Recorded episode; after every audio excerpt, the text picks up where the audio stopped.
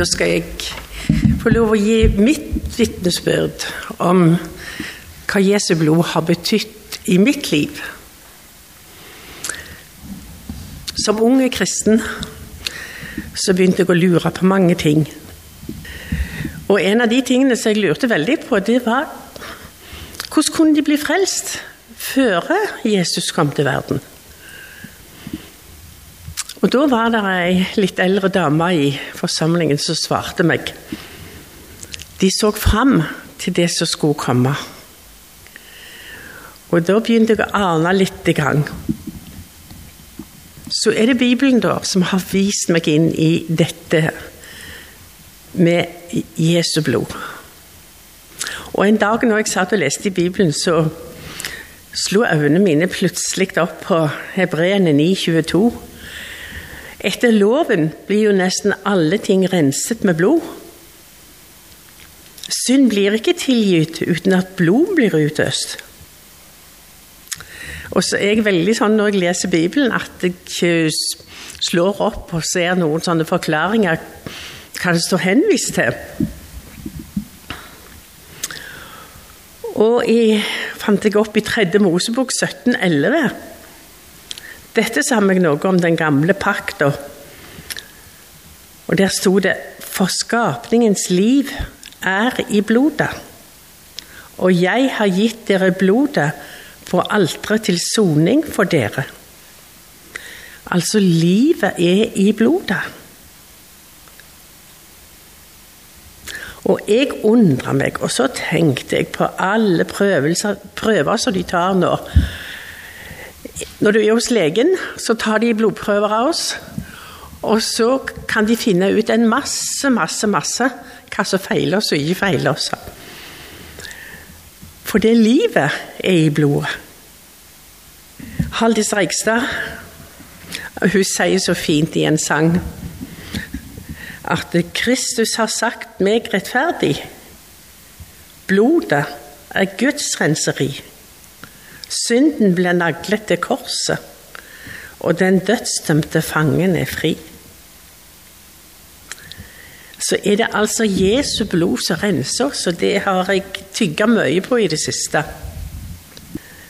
Det er bare blodet, det er bare Jesu blod som kan rense oss. Og så har jeg en sang som jeg er veldig, veldig glad i, som står på nummer 144 i sangboka vår. Det er liv i å se på det Golgata-kors. Og i det tredje verset der så står det Det er ikke din gråt, det er ikke din bønn, det er ikke din gråt. Det er blodet som frelser deg nå. For all verden det rant, og det taler for deg. Det er fred mellom deg og din Gud. Og den sangen den må jeg virkelig si altså Så enkelt har Jesus gjort det for meg. At jeg skal få lov å se på Golgata kors og blodet som rant. Og så er jeg fri fordi Jesus tok min plass. Det blir ikke så veldig mye snakket om det i de sammenhengene som jeg går i, iallfall nå. Det er veldig mye snakk om hva vi skal gjøre og ikke gjøre. Men altså det å få komme til Jesu kors å få lov å se at synda mi er tilgitt, og at jeg er ren i Jesu blod, det er ganske fantastisk. Og det er jo det som er billetten til himmelen, som jeg sikkert var inne på sist gang. Først Johannes 1,9. At Jesu Kristi, Hans Sønns blod, renser oss fra all synd. Ti ord som er en inngangsbillett til himmelen. Det sa han Lars Høie for mange mange år siden, og jeg har aldri glemt det. Da var jeg lita jente. Og så må jeg fortelle litt. Jeg var på vei til sykehuset en morgen. Mannen min var ganske syk, og jeg hadde bedt de å ringe etter meg hvis det gikk mot slutten. Og så ringte de tidlig den morgenen. Og på vei inn til sykehuset så hadde jeg på radioen. Og der var det andakt. Jeg tror det var Per Arne Dahl som snakket. Og så var det dette ordet da fra hebreerne 10, 19. så kan vi da, brødre, i kraft av Jesu blod, med frimodighet tre inn i helligdommen. Og for meg ble det utrolig sterkt. Nå visste jeg at nå skulle han over grensa inn til det evige livet. Og så kunne han, i kraft av Jesu blod, frimodig tre inn i helligdommen. Og det syns jeg er veldig, veldig godt for meg å tenke på. At når det er min tur, så er det blodet som gjelder når jeg skal tre inn i helligdommen. I kraft av Jesu blod skal vi få lov å tre inn i helligdommen. Så Jesu blod, det er min frimodighet. Og i sykdomstida da hadde jeg diktboka til Haldis Reigstad ved Kjella som lå på nattbordet mitt. Og den kikket jeg i, tror hver bidige kveld. Hun hadde et dikt der som heter Fred. Og det ble min sovepille. I fred får jeg sove når døden en dag banker på. I fred skal jeg våkne og himmelens herligdom sjå. I livet som i døden skal sjela finne ro. Og grunnen til at jeg er trygg, er Jesu dyre blod. Og så stoppet Gud meg en gang da, viste meg i Johannes' åpenbaring om den store, hvite flokken. Hun sto for Guds trone, og Johannes spør Jesus hvem er de, og hvor har de kommet fra? Og da svarer Jesus til Johannes dette er de som har kommet ut av den store trengselen, og som har gjort skjortlene sine hvite i lammets blod. Derfor står de for Guds trone. Og det derfor har nok fulgt meg mye av tida. Det er bare derfor, på grunn av Jesu blod. Det var det jeg hadde lyst til å dele med dere litt fra livet mitt. Og mitt forhold til dette som er Jesu blod, og det som han har vist meg i ordet sitt. På grunn av Jesu blod så har jeg nå frimodighet til å tre like inn i helligdommen. Og dette skal vi få lov å fortelle til andre mennesker, til de rundt oss. Jeg bare be litt til slutt. Kjære Jesus, jeg vil takke deg for ditt blod som rant på Golgata. Og takk, Jesus, for at du viste meg den gang at det var for meg du hang der. Og for meg og for alle mennesker. Kjære Jesus, vil du hjelpe oss til å vise andre mennesker at det er det eneste som holder når vi skal over grensa og inn i det evige. Da er det bare spørsmål om vi har tvetta våre kjortler og gjort de hvite i lammets blod, som det står i åpenbaringen. Kjære Jesus, velsign kvelden for oss. Og la oss få se mer av denne kraften, Jesus, den som er i blodet ditt. Takk, Jesus, for du kom. Amen. Da skal jeg begynne eh, med slutten av det kapitlet som jeg skulle si noe om. Kraften i Jesu blod. Og Der sier doktor R.A. Torry, som har eh, skrevet dette heftet skal vi få kjenne fylde av kraft i kristen liv og tjeneste, så må vi først og fremst få kjenne kraften av Kristi blod. For det er det som bringer oss forlatelse, rettferdiggjørelse, frimodighet og frimodighet til å nærme oss Gud. Vi må begynne med blodet hvis vi skal kunne fortsette inn i det aller helligste. Og så stiller han spørsmålet Kjenner du kraften i blodet? På forrige møte så snakket vi litt om hva denne kraften er, og om det går an f.eks. å ha halv kraft. Og Jeg syns dette spørsmålet var såpass viktig for forståelsen av temaet som vi har tatt for oss, at jeg gikk inn på nettet og fant definisjoner av ordet kraft. Jeg ble litt forveden sjøl egentlig på hvordan, hvordan en kan få dette litt mer konkret og litt mer, forstå, litt mer forståelig, kanskje. Og så brukte jeg òg en bibelordbok for å finne vers i Bibelen der ordet kraft er brukt. Energi, fra gresk energeie, styrke, er evnen til å utføre arbeid, hvor arbeid, arbeid er definert som kraft anvendt gjennom en strekning. Så står det òg at energi og kraft har ulik betydning etter, i forskjellige fagfelt. Og at i fysikken så betrakter han energi som både en total tilstand og som utført arbeid av ulike typer. Og jeg synes Det er litt interessant å ta med både dette med at kraft òg kobles sammen med styrke, og kraft kobles sammen med aktivitet.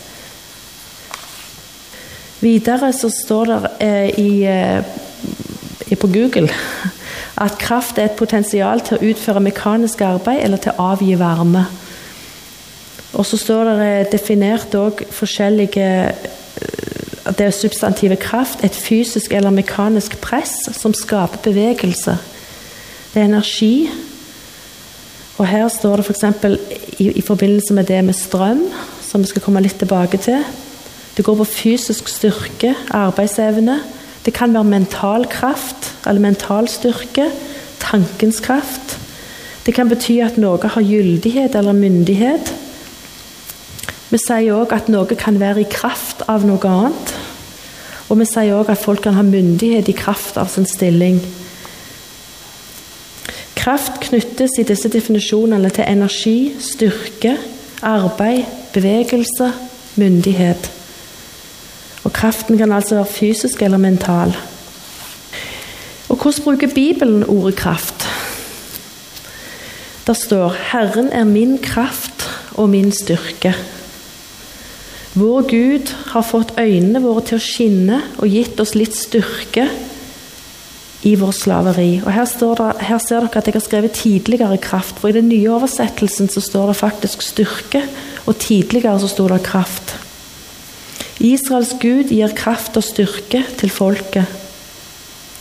Du er deres styrke og prakt, ved din godvilje får vi kraft. Se, Herren Gud kommer med styrke.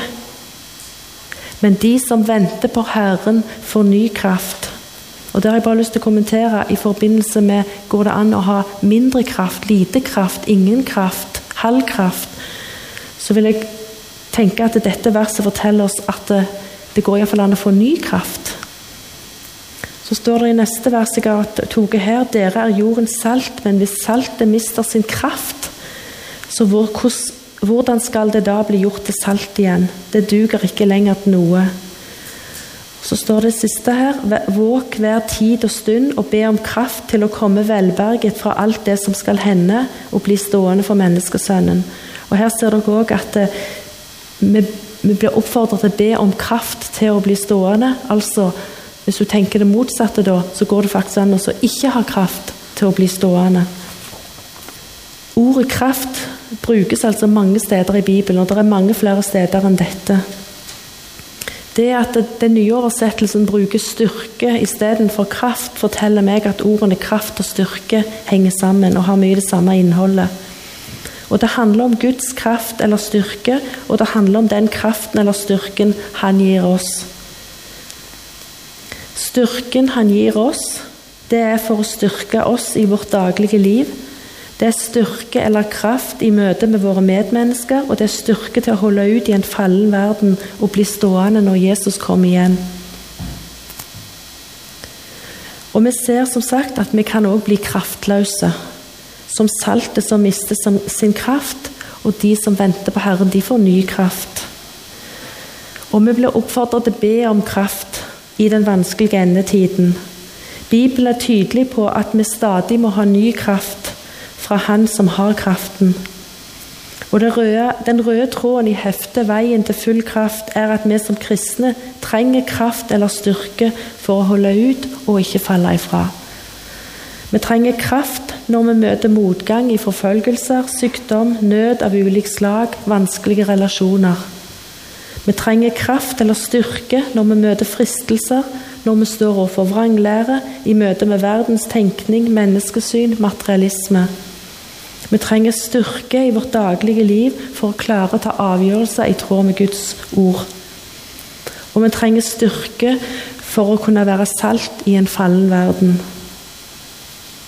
Vi er ikke sterke nok i oss sjøl til å håndtere alt vi møter. Og tusenkronerspørsmålet det er hvordan kan vi få tilgang til Guds kraft i våre liv? Hvordan kan vi være sterke hver dag og bli stående? Den kraften den får vi fra Gud.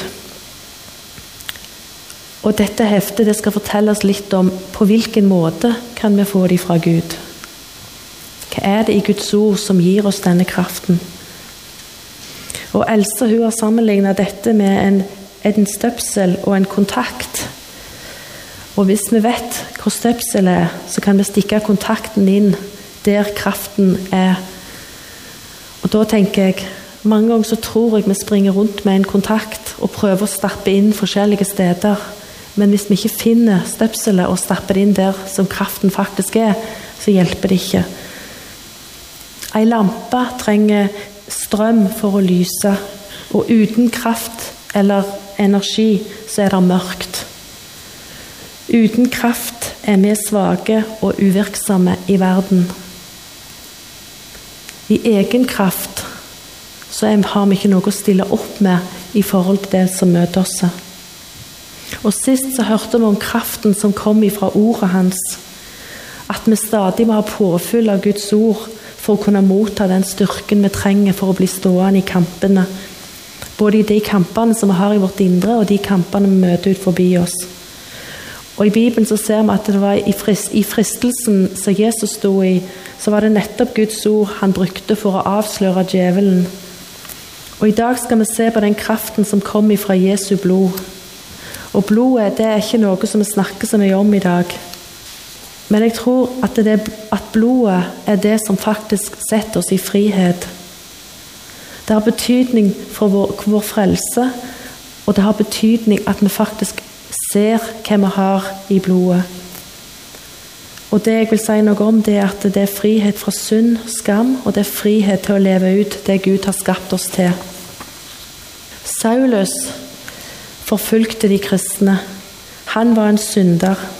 Han møtte Gud i et stort lys, og han så sin egen fortapte tilstand, og han erfarte hvem Gud er.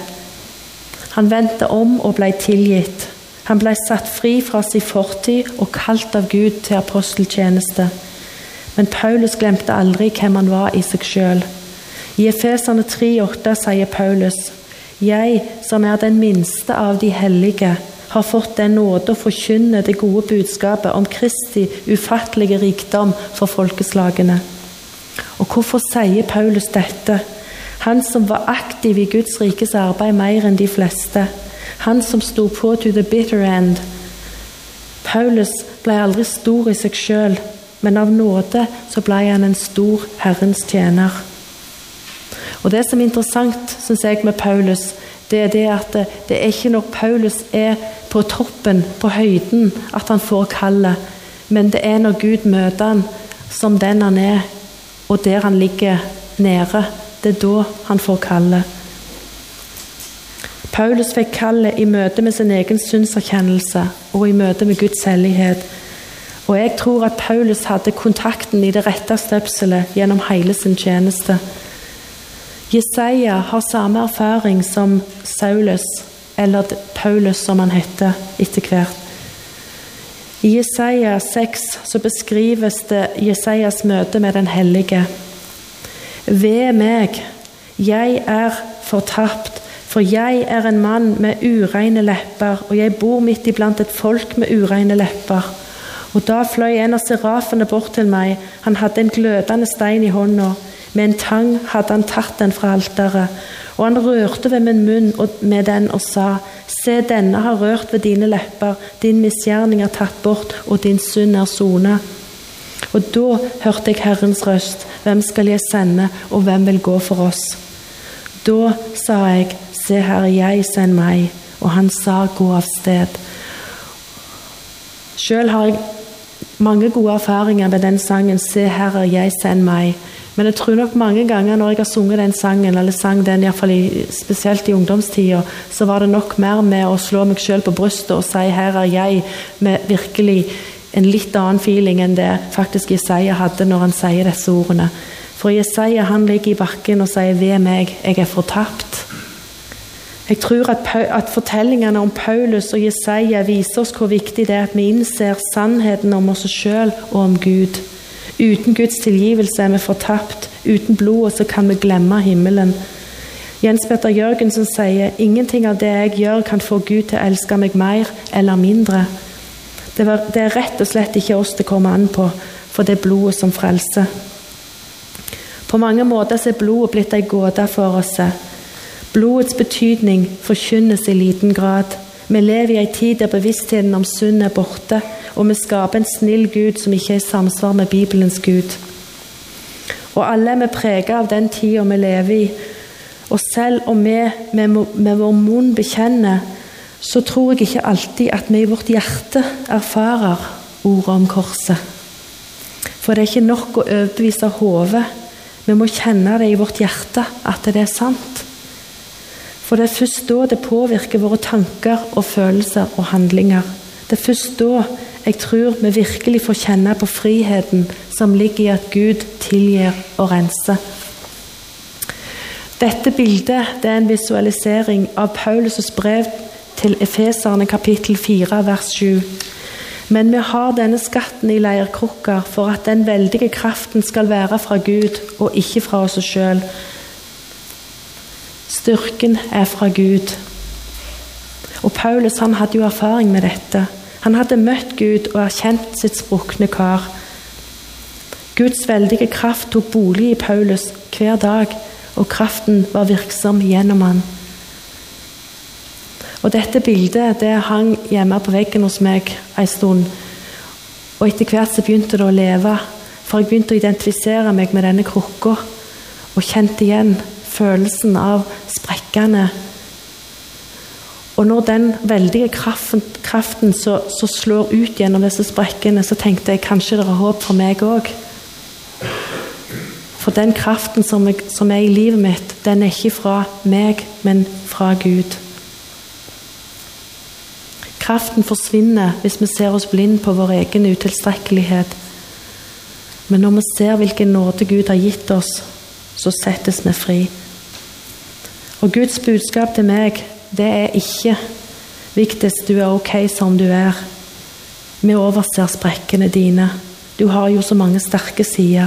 For det er verdens budskap. Hans budskap til meg er viktigst du er min. Jeg har rensa deg i blodet mitt. Du er tilgitt, du tilgis, og du skal tilgis.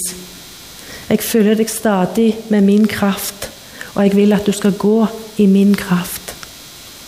For jeg er et sprukken kar, jeg er en synder. Og hvordan kan jeg stå fram og forkynne det gode budskapet om Kristi ufattelige rikdom for folkeslagene? Og svaret er enkelt. I kraften fra Jesu blod for i Han er jeg ren og rettferdig, himmelen verdig. Det er Hans veldige kraft som bor i lille meg. Det han, og det er den som kommer ut gjennom sprekker og det hele.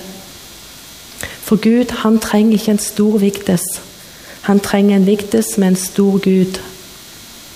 Det å leve i Guds kontinuerlige tilgivelse gir en enorm frihet.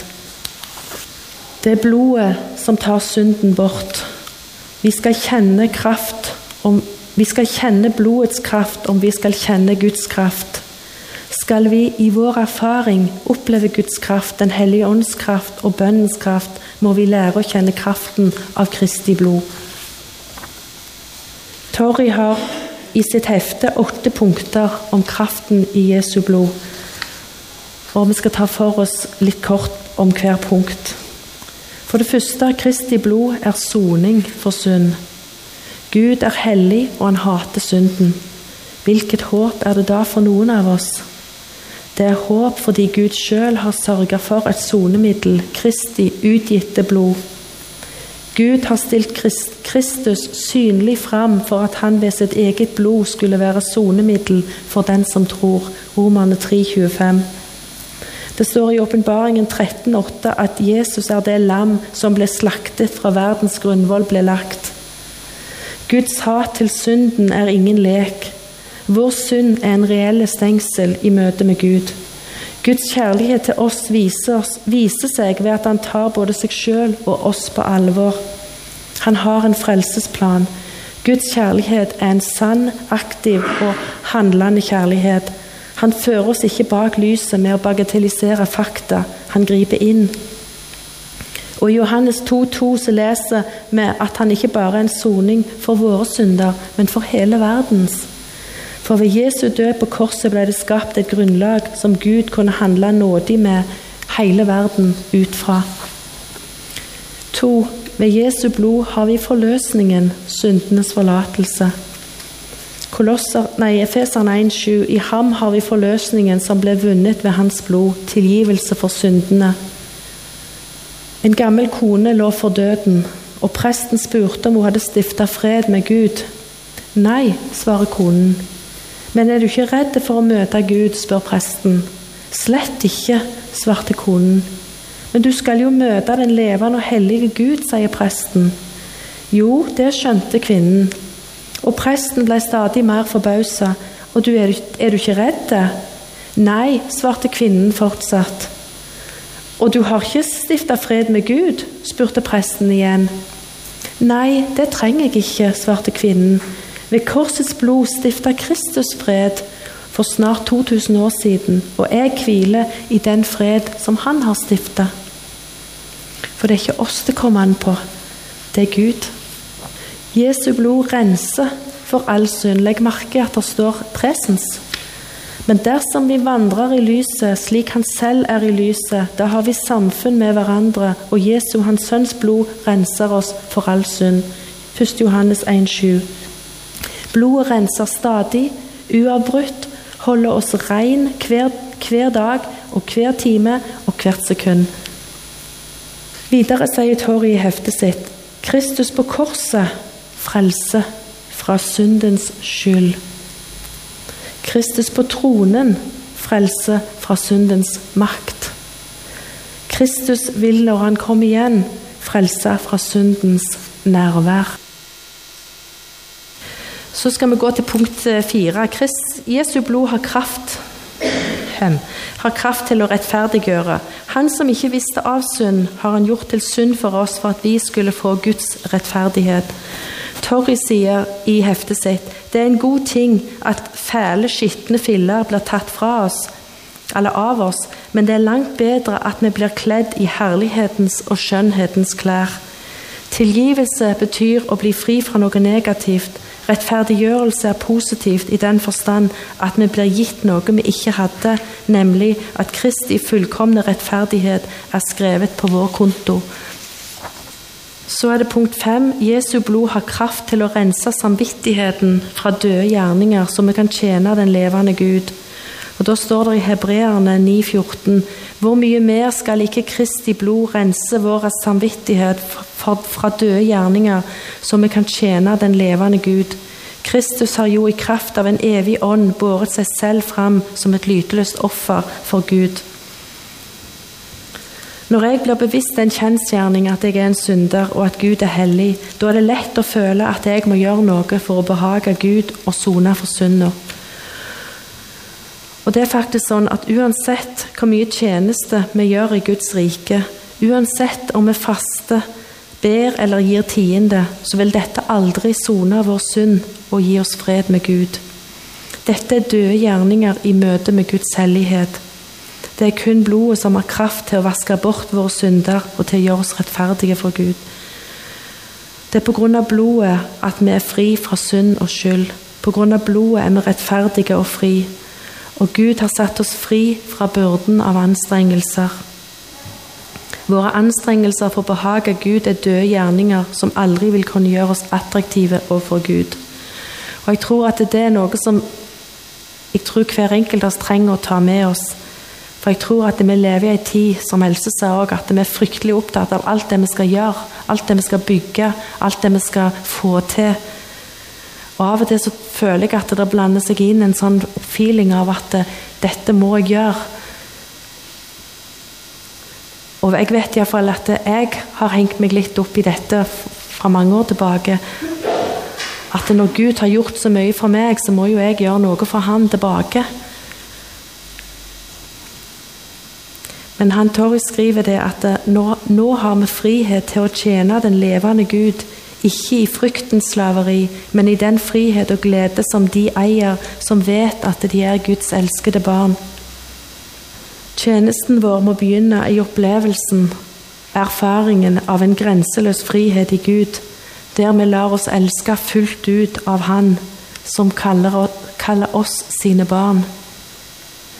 Det er når vi sitter på Guds fang når vi får lov å kjenne på at Han elsker oss. Han har frikjøpt oss. Han har rettferdiggjort oss. Det er da tjenesten Det er kun det tjenesten kan springe ut fra. Vi trenger ikke arbeide for å vinne behag hos Gud. En venn sa til en annen du har en religion på to bokstaver. Min religion er på fire bokstaver. Din religion er du, gjøre. Min religion er dan, gjort. Du forsøker å hvile på det du gjør. Jeg hviler på det Kristus har gjort. Og Spørsmålet er hva slags religion har du? Seks. Kristi blod har kraft til å kjøpe oss til Gud, til å gjøre oss til sin eiendom. Og i Åpenbaringen 5,9 så står det de sang en ny sang. Du ble slakta og har med ditt blod frikjøpt for Gud mennesker av alle stammer og tungemål, av alle folk og nasjoner. Vi er kjøpt og betalt, og med Guds eiendom. Så kommer det det verset som Else nevnte i sitt vitnesbyrd. Og Da står det i punkt 7 i kraft av Jesu blod kan vi med frimodighet gå inn i helligdommen til å gå inn i Guds nærvær. I Hebreerne 10, 19, 20 så står det så kan vi da, brødre, i kraft av Jesu blod med frimodighet tre inn i helligdommen. Han, han innviet en ny og levende vei for oss dit inn gjennom forhenget, dvs. Si hans jordiske legeme. Frafall og avkristning det skjer når kristne vender seg bort ifra Gud og går sine egne veier. Og i vår tid så vokser religiøsiteten. Religiøsiteten det er å lage sine egne regler for hvordan Gud er, og hvordan vi skal leve. Religiøsitet oppstår når Guds ord mister sin autoritet i våre liv. Og vi lever i ei tid der Gud forkynnes kjærlig, men ikke hellig. Der nåden er på tilbud. Det er ikke så nøye med synda. Vi gjør så godt vi kan og stoler på at Guds kjærlighet vil se gjennom fingrene med oss. Vår, vår tids Gud er ikke så nøye med synd. Han forstår oss og elsker, elsker oss sånn som vi er.